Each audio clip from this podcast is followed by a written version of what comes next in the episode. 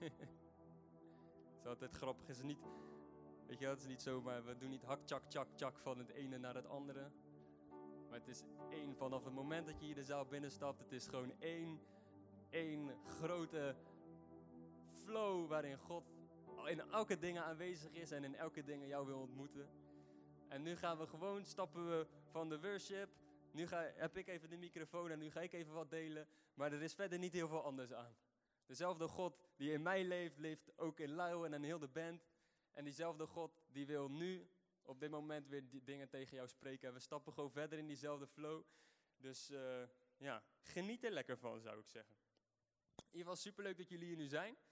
Zoals Victor al net tijdens, helemaal tijdens het begin van de dienst zei. God kijkt naar je hart en op het moment dat je het eerste aan hem geeft, daar wordt hij blij van. Nou, dit is nu de eerste New Gen van 2021. Dus jullie zijn aanwezig bij de allereerste. Dus dat betekent dat jullie je eerste hebben gegeven in 2021 aan God. En dan zegt Gods woord, dan zal hij je daarvoor belonen. Dus God gaat jullie belonen vandaag. Wie wordt daar blij van? Kijk, hè, ik was net toen met die 100.000 euro van Lyle was er iets harder gejuich. maar God heeft een grote beloning voor jou vandaag. En dat is dat vandaag jij de tools gaat krijgen om jouw beste jaar tot nu toe te krijgen. Nou, wie vindt dat leuk? Wie wil graag dat 2021 zijn beste jaar tot nu toe wordt? Yes. Wie heeft dingen waarvan ze zeggen van, hé, hey, 2020 lukte dat nooit, ging dat nooit, liep ik altijd daar tegenaan. Maar 2021 gaat alles veranderen en dan gaat al die dingen die niet lukten in 2020, die gaan wel lukken in 2021. Kan iemand daarop amen zeggen? Amen. Kijk, goed zo. Nou, dan ben ik vandaag op de juiste plek. Dat vind ik heel fijn. Vorige keer, wie weet het nog, toen sprak Victor en toen heeft hij jullie een formule gegeven. Wie weet het nog? Ik zie een aantal handen zo gelijk gaan. Voor, er wordt echt ergens in het diepst van hun brein wordt dat probeert vandaan te halen.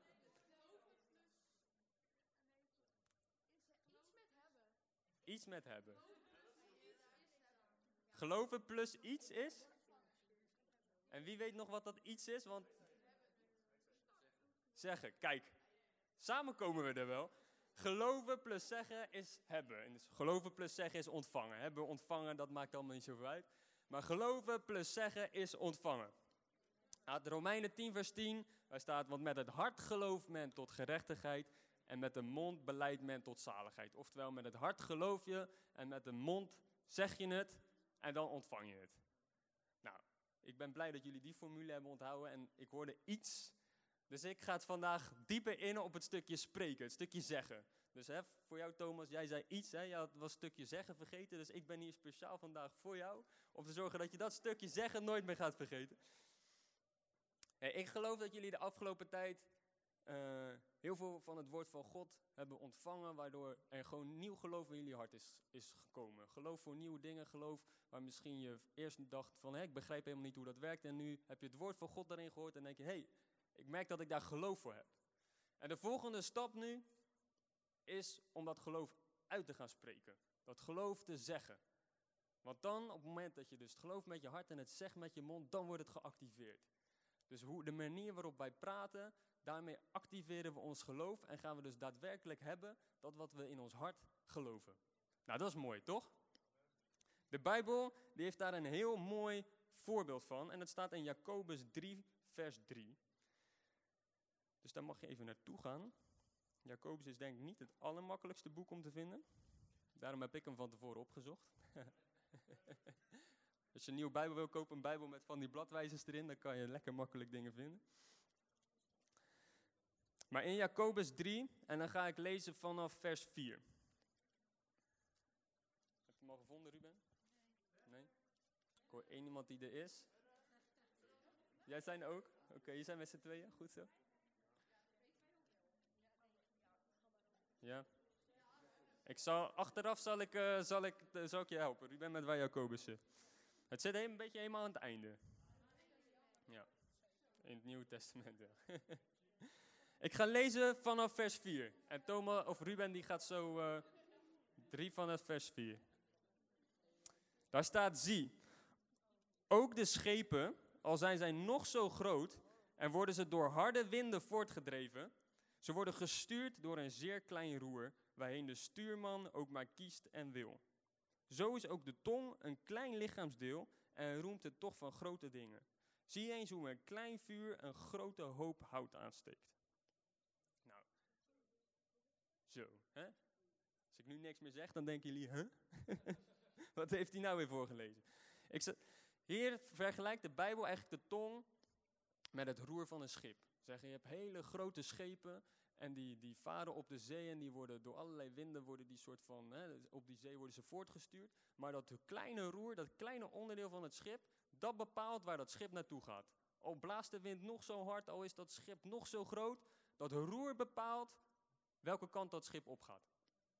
En zo is ook de tong, is maar een klein onderdeel van ons lichaam, maar het bepaalt wel waar jouw leven naartoe gaat.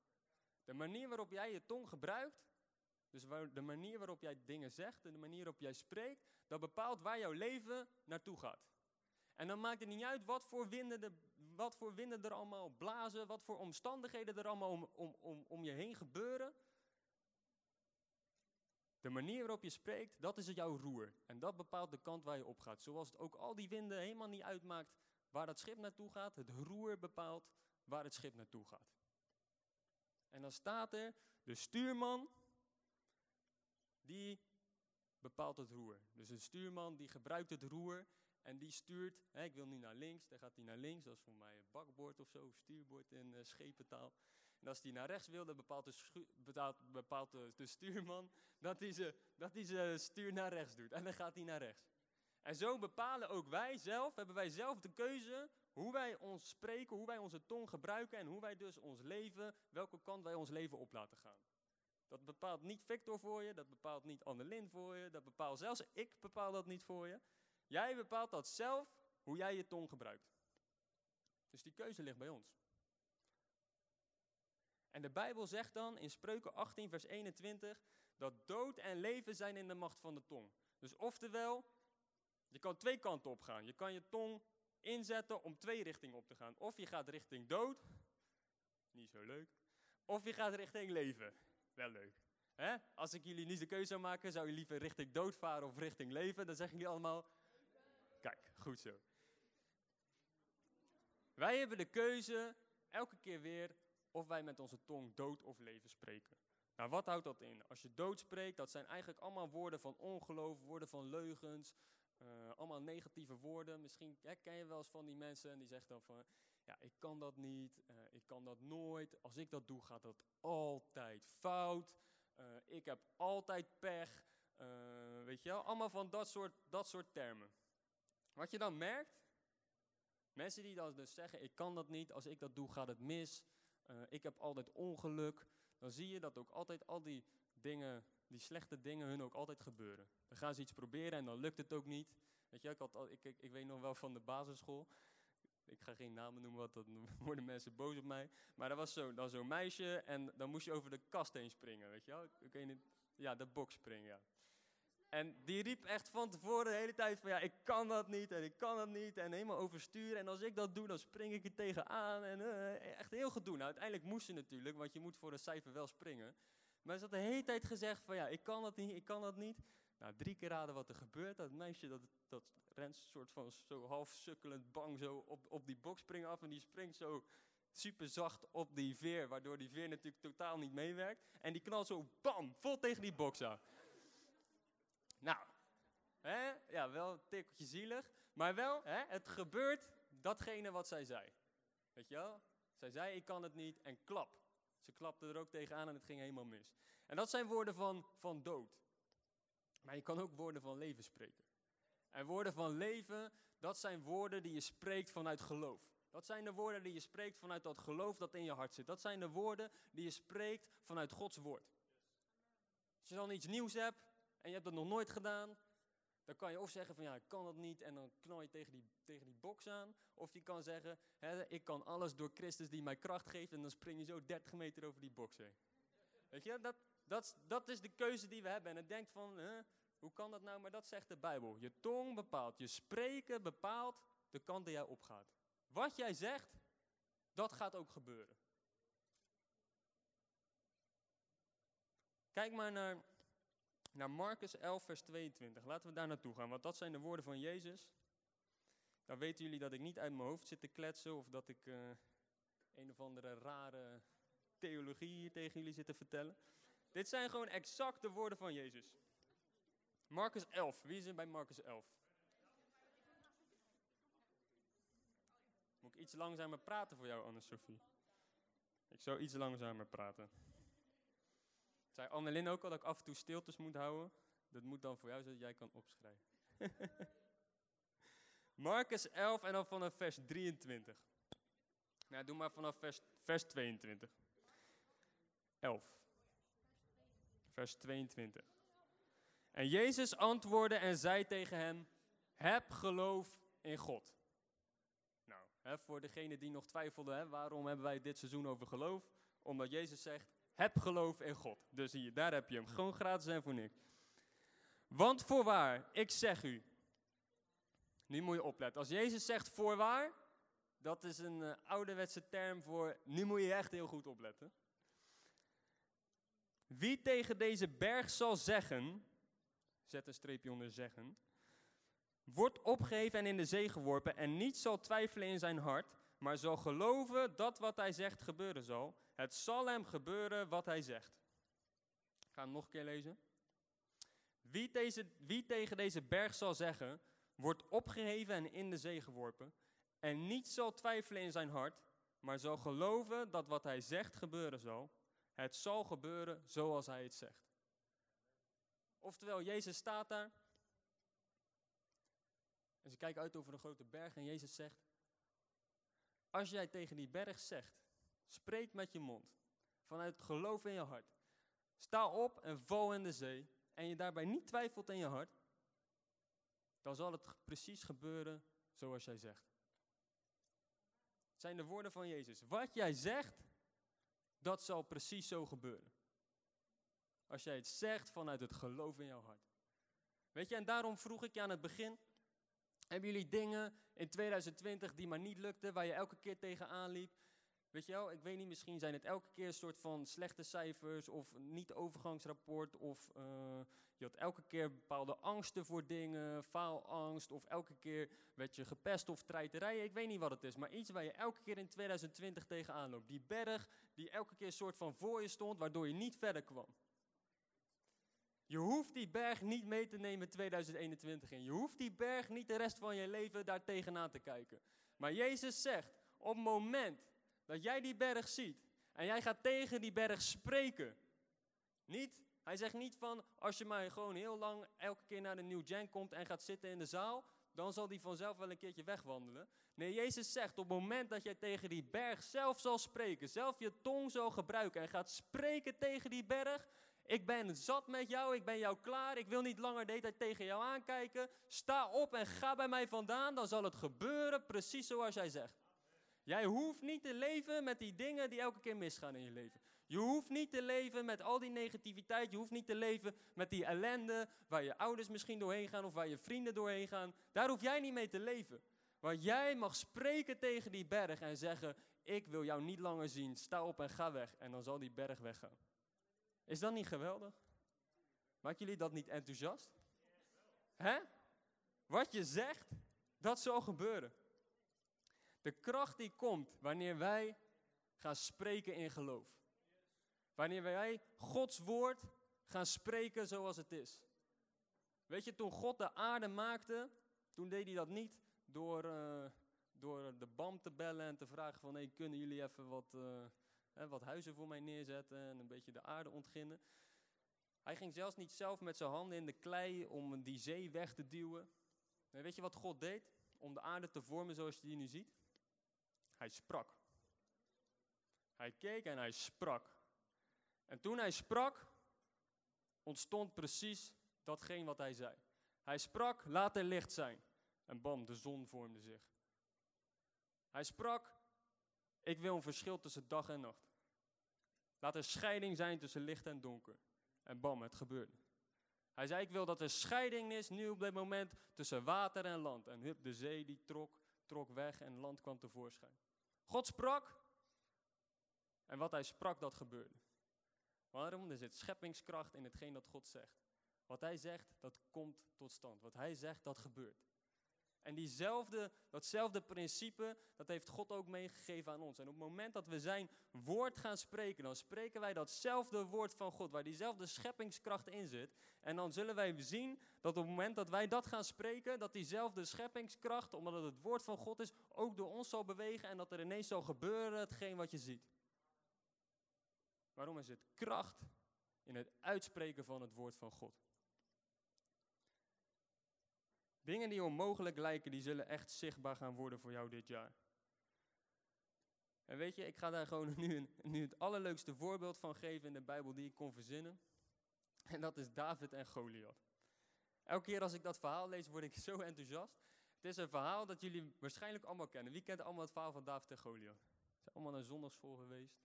Goed bezig. Wie weet ook waar het staat opgeschreven in de Bijbel? Kijk, hè, dat leren ze dan weer niet. 1 Samuel 17. 1 Samuel 17. Mocht je het ooit willen vinden, dan weet je waar het staat. 1 Samuel 17. En dan gaan we lezen. Van waar zullen we het eens lezen? We gaan lezen vanaf vers 40. Die zijn snel.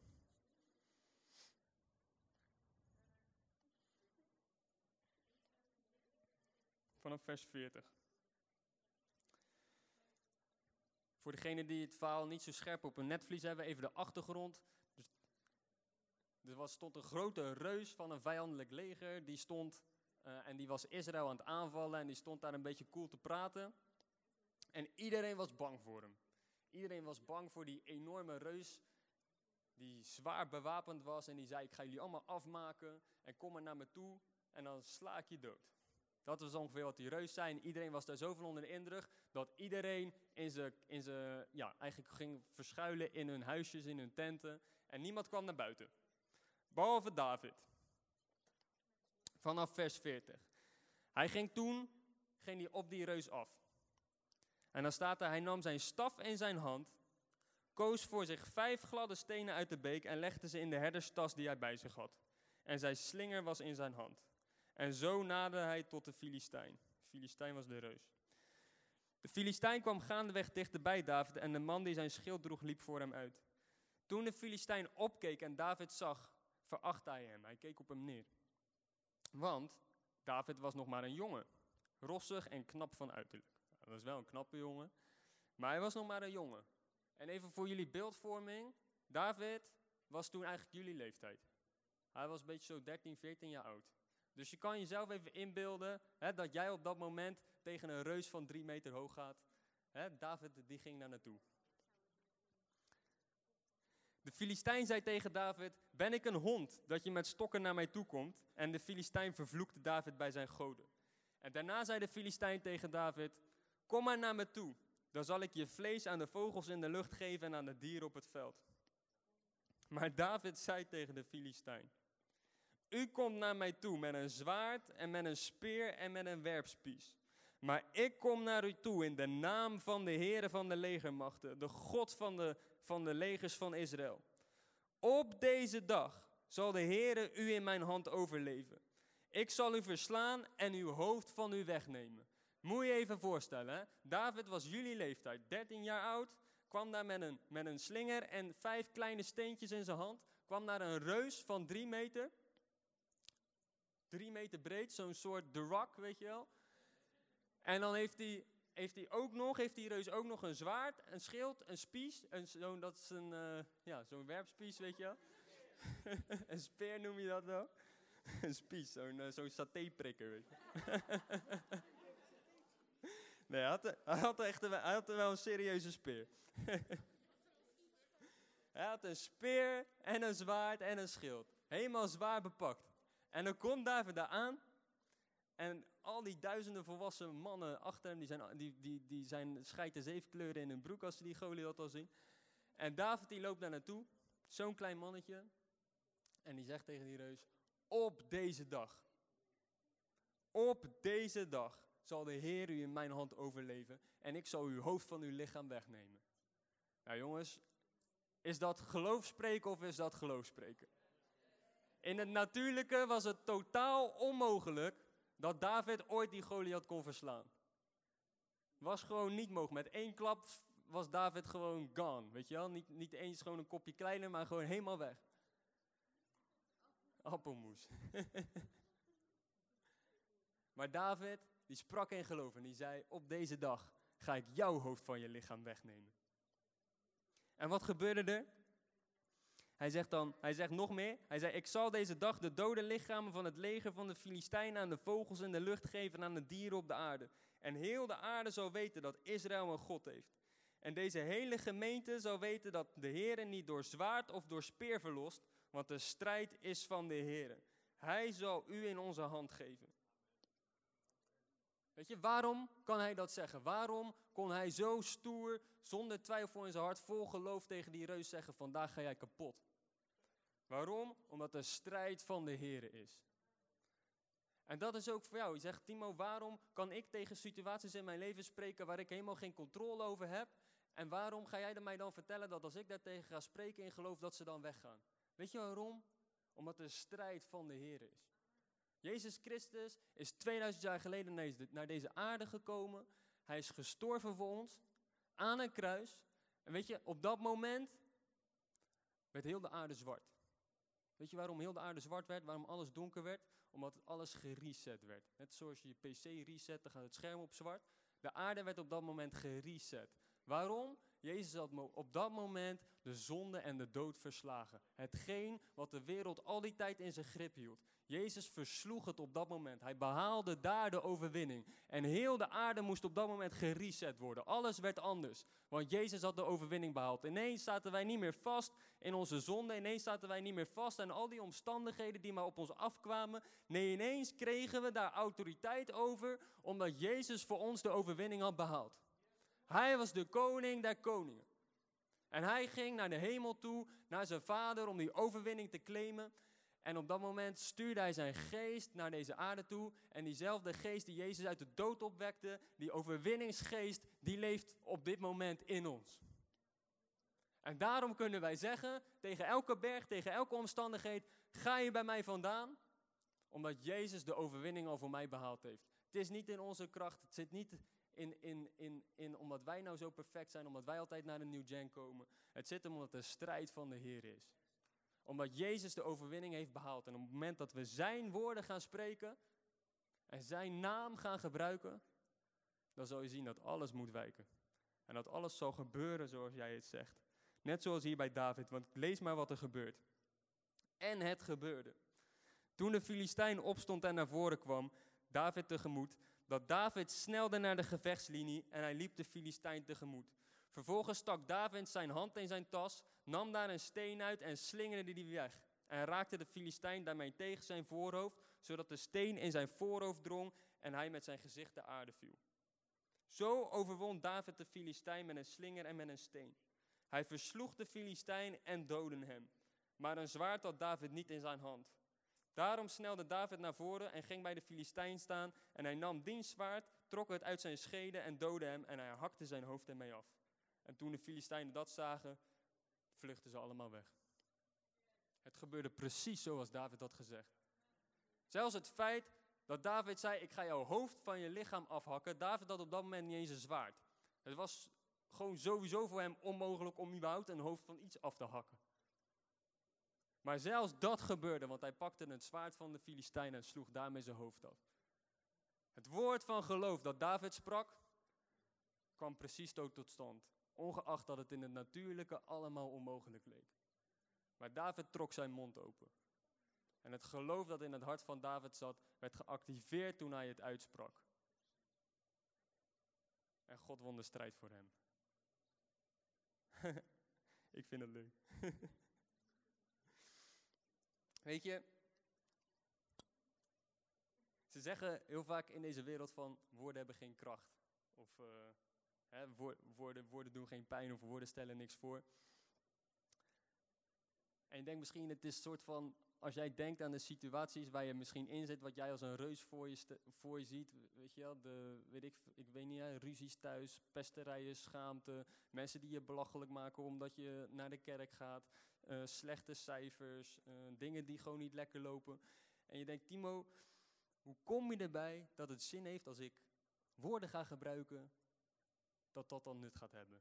Ik heb gewoon een of andere grote kerel nodig die een paar van die gastjes in elkaar timmert. Weet je wel, dat gaat mij helpen.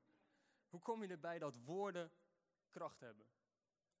Weet je, toen David naar die, naar die reus ging, zei iedereen tegen hem: David, jij met je slinger en je stenen, dat gaat niet werken. En ze wilden hem een soort van een heel harnas aandoen. Maar David zei van nee joh, dit, uh, dit, dit past niet bij mij, dit staat mij niet. Ik hou het gewoon bij mijn slinger en mijn steen. En voordat David naar die Filistijn ging, verzamelde hij vijf stenen.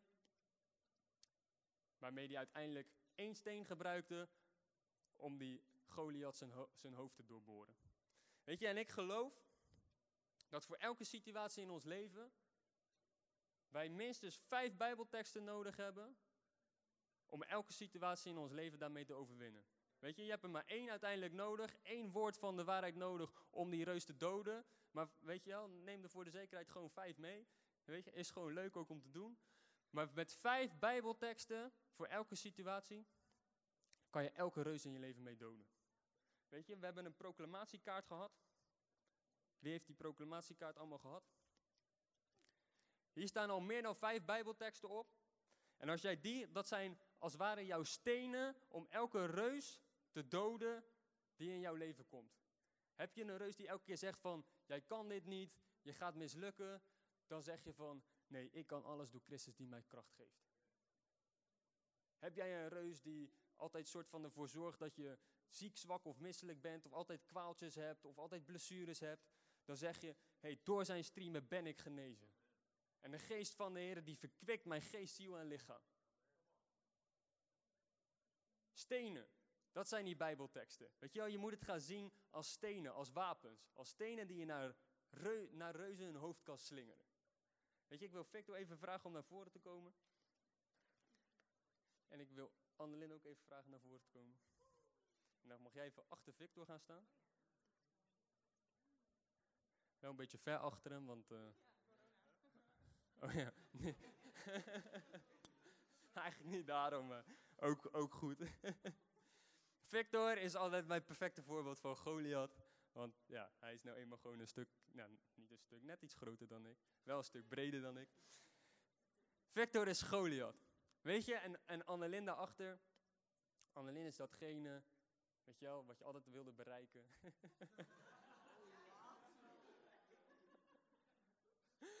nee, Annelin is datgene dat in 2020 elke keer niet lukte. Weet je wel, dat, Annelien is datgene waar je, wat je graag wilde bereiken, maar waar je elke keer soort van door geblokkeerd werd. Is dat stukje bestemming waar je in wilde wandelen. Het is dat, dat stukje, dat stukje gewoon hè, die simpele dingen als een overgangsrapport. Het is gewoon leuke vrienden hebben, je vrij voelen. Je eens een keer niet last hebben van schaamte. Daarachter, daar zit dat stukje, weet je wel, dat jouw vrijheid brengt. Waar je van droomt, waar je stiekem, als je heel eerlijk bent, in je hart naar verlangt. Maar elke keer staat er zo'n lelijke reus voor je, die jou elke keer vertelt dat je niet goed genoeg bent, dat jij het niet kan halen, dat, dat je gaat falen en die zet je elke keer uit te schelden. En heel 2020 liep jij daar tegenaan. Heel 2020 kon je daar niet bij. Stond er elke keer iets voor. Maar ik ga je zeggen vandaag dat in 2021 je niet langer hoeft te leven met die reus in je, in je leven. Je hoeft niet langer een verslagen leven te leiden. Je hoeft niet langer die woorden die je constant hoort aan te nemen. Het leek onmogelijk, het leek alsof je er niet bij kon, maar vandaag krijg jij de sleutel hoe je die reus weg kan slaan. Het woord van God. Het woord van God pak je als een steen in je hand. Je pakt die Bijbelteksten die je hebt gehoord. Je pakt die teksten dat je een geliefd kind van God bent. Je pakt die teksten dat je meer dan een overwinnaar bent in Christus. En je verzamelt er een stuk of vijf. En dan uiteindelijk, dan pak je er eentje. En, en dan trek jij je mond open en dan kijk je die reus recht in zijn ogen. En weet je wat je dan doet op het moment dat jij die tekst uitspreekt? Op het moment dat jij dat woord van geloof uitspreekt, dan ziet dat er ongeveer zo uit. Zo. en je bestemming rent naar je toe. dat is hoe het eruit ziet. Je hoeft niet langer met die reus in je leven te leven. Op het moment dat jij die woorden van geloof gaat uitspreken, denk dan aan dit voorbeeld. Denk dan aan dit voorbeeld. Denk dan aan die bal die in het gezicht van die reus wordt gegooid, die op de grond valt en waar dan de prachtige dame naar je toe komt rennen in je armen. Onthoud dat voorbeeld maar. Print dat in je hoofd. Er is overwinning voor jullie dit jaar. En de manier waarop jij dit jaar ingaat, de manier waarop jij spreekt, als jij gaat zeggen, dit wordt mijn jaar.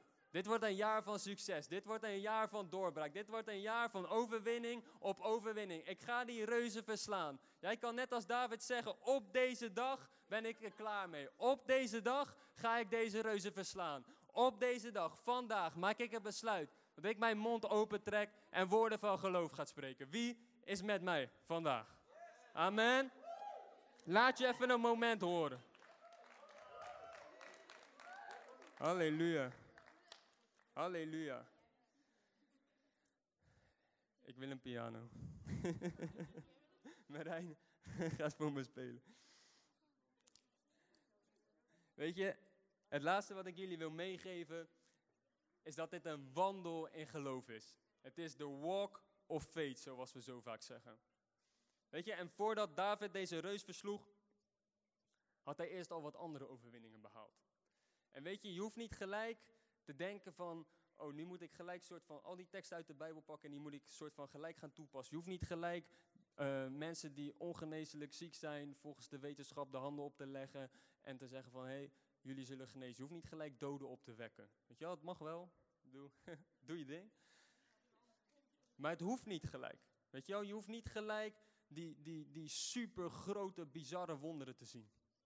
Voordat David de, de reus Goliath versloeg, versloeg hij eerst een beer en een leeuw. Hij zegt dat hiervoor. Hij zegt, dan zegt hij tegen de koning, uw dienaar weide de schapen van zijn vader en er kwam een leeuw of een beer die een schaap van de kudde wegnam. En dan ging ik hem achterna, sloeg hem neer en redde het uit zijn bek.